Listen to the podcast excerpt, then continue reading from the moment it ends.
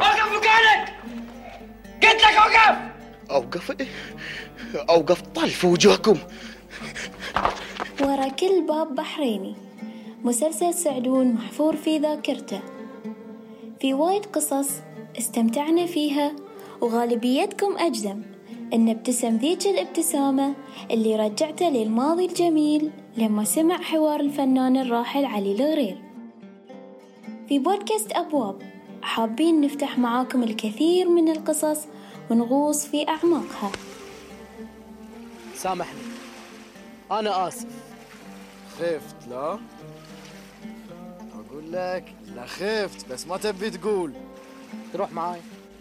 وين؟ خباز نشتري باجلة. شفت؟ إنك خير يلا.